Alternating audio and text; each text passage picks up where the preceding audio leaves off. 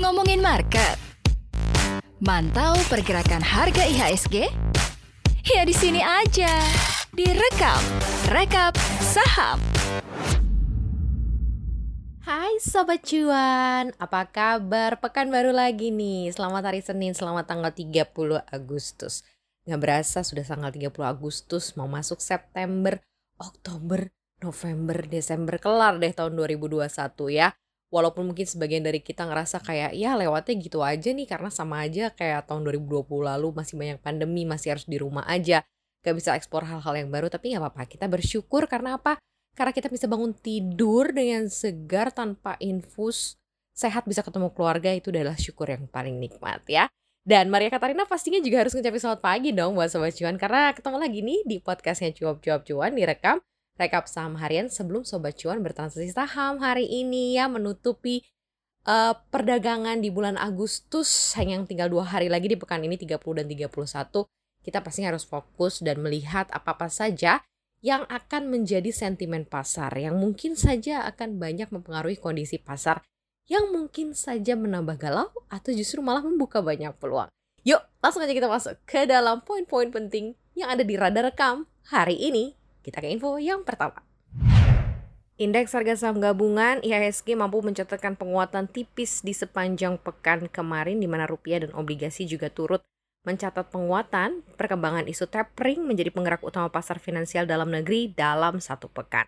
Berdasarkan data definitif, IHSG ini mampu mencatat penguatan 0,18 persen ke 6.041,366 dan sekaligus mengakhiri kemerosotan dalam dua pekan sebelumnya. Dan dalam sepekan, investor asing ini tercatat melakukan beli bersih atau net buy sebesar 111 miliar rupiah. Dari pasar obligasi, hanya surat berharga negara SBN tenor satu tahun saja yang mengalami pelemahan Selainnya, ya atau selebihnya menguat ya dan penguatan tersebut tercermin dari penurunan yield. Harga obligasi juga berbanding terbalik dengan yield. Ketika harga naik, maka yield akan turun. Begitu juga sebaliknya.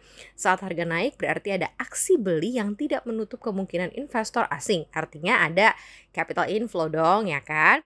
Nah, kemudian uh, masuknya aliran modal ke dalam negeri juga membuat rupiah perkasa menguat 0,24 persen melawan dolar Amerika Serikat ke 14.415 rupiah per US dollar.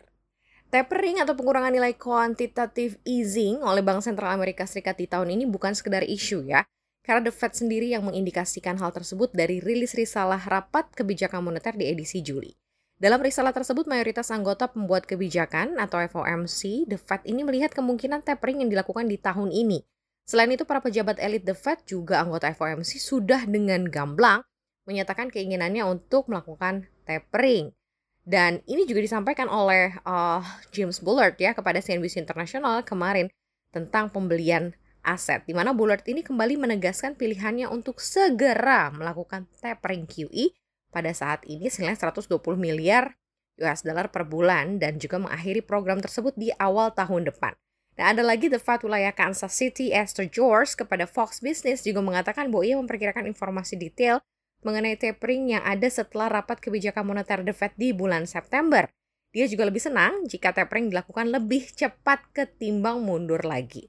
Sementara Presiden The Fed wilayah Dallas, Robert Kaplan, mengatakan bahwa The Fed seharusnya mengumumkan tapering di bulan September dan melakukannya di Oktober atau tidak jauh dari pengumuman dan diselesaikannya dalam waktu 8 bulan. Dan komentar-komentar tersebut mengindikasikan tapering ini akan dilakukan di tahun ini. Tetapi pelaku pasar juga menanti peringatan dari Ketua The Fed Jerome Powell di Symposium Jackson Hole di Jumat kemarin ya, di mana menguatnya isu tapering ini membuat Bank Indonesia akhirnya stres tes ya dengan menyiapkan sejumlah kebijakan guna memitigasi adanya tekanan potensi di pasar keuangan tanah air yang seperti diungkapkan oleh Deputi Gubernur Senior Bank Indonesia Dastri Damayanti. Dan resiko tapering tersebut uh, stress test yang akan dilakukan oleh BI ini juga akhirnya mengantisipasi peningkatan varian Delta COVID-19 yang bisa memicu penurunan kepercayaan kepada para investor. Dari awal kan memang uh, the Fed atau mungkin Amerika Serikat memang sudah pede untuk melakukan pengurangan QE atau tapering karena merasa bahwa perekonomiannya sudah berjalan baik. Tetapi side effect-nya dari perencanaan di tahun 2023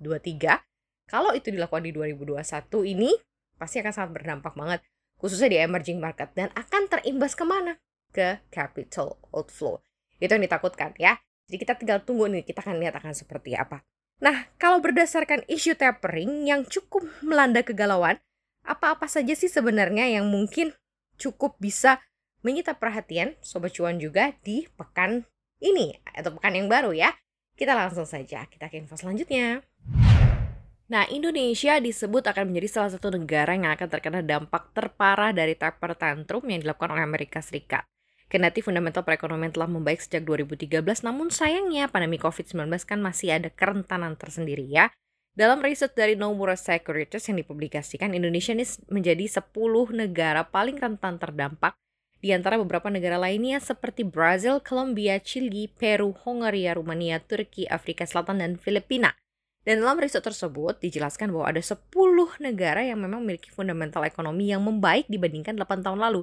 Dan indikator, indikator yakni defisit transaksi berjalan atau current account deficit lebih terkendali, rendah dan juga cadangan devisinya lebih besar. Namun sayangnya COVID-19 ini mengacaukan semuanya ya. Kondisi ini terlihat juga dari pelemahan ekonomi seperti kenaikan inflasi, keterpurukan fiskal, hingga suku bunga acuan yang negatif di beberapa negara yang sudah melewati batas pelonggaran kebijakan moneter. Kerentanan tersebut juga paling utama disebabkan oleh arus modal. Meskipun banyak analisa menyebutkan bahwa lebih rendahnya inflow dalam dua tahun terakhir menurunkan resiko terhadap pasar keuangan di setiap negara. Dan alasan pertama derasnya arus modal yang masuk itu juga sudah terjadi sejak 2014. Dan kedua modal yang masuk sudah berkembang seiring kenaikan harga aset dan juga perubahan nilai tukar. Jadi ini bukan isapan jempol semata saja dan ini bukan sebuah isu yang mungkin hanya ada di riak-riak atau permukaan. Tampaknya Bank Indonesia pun juga harus melakukan sejumlah kebijakan moneter aktif yang bisa sedikit meminimalisir dampak yang cukup signifikan. Gak lucu dong, COVID kita lagi mencoba untuk dituntaskan, perekonomian kita juga pelan-pelan lagi dibangkitkan, tetapi ada tekanan global yang nggak mungkin bisa dielakkan yang akan sangat berpengaruh terhadap pasar. Kita ke info selanjutnya. Sedikit informasi dari bos Indomobil soal efek PPKM ya, fasilitas pabrik yang porak-poranda saat ini. Masih ada PPKM ketat di beberapa waktu lalu ini berlevel diterapkan hingga saat ini telah memberikan banyak dampak khususnya ke otomotif, di mana saat normal umumnya pabrik beraktivitas penuh selama 24 jam, namun karena PPKM ya jadi acak-acakan ya. Ban menjadi salah satu komponen pendukung bagi industri otomotif ketika produksi ban terhambat, maka produksi mobil utuh juga terhambat.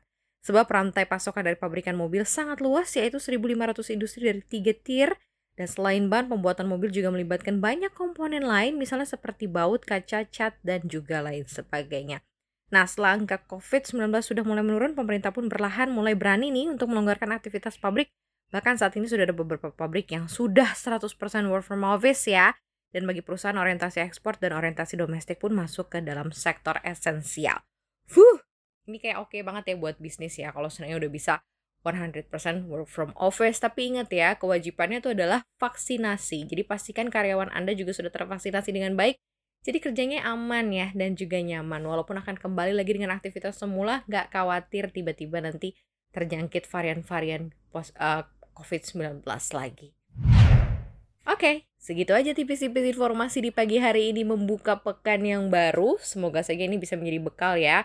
Masih ada isu tapering, masih ada PPKM, dan masih ada COVID-19 yang masih ada di negeri ini, tapi kita tidak boleh juga kehilangan semangat, jadi semangat kita juga harus tetap pasti ada. Thank you Sobat Cuan udah dengerin cuap-cuap cuan podcast kita direkam pada pagi hari ini. Jangan lupa ya untuk selalu dengerin kita di Spotify, Apple Podcast, dan juga Google Podcast. Jangan lupa untuk follow akun Instagram kita di @cuap underscore cuan dan yang paling penting adalah subscribe YouTube channel kita ya di cuap-cuap cuan. Kalau ingin tahu seperti apa sih video-video yang selalu kita buat dan informasi yang pastinya akan bisa bikin sobat cuan jauh lebih cuan. Amin. Thank you banget ya sobat cuan. Maria Katarina pamit. Thank you, thank you, thank you, thank you. I love you all. Bye bye.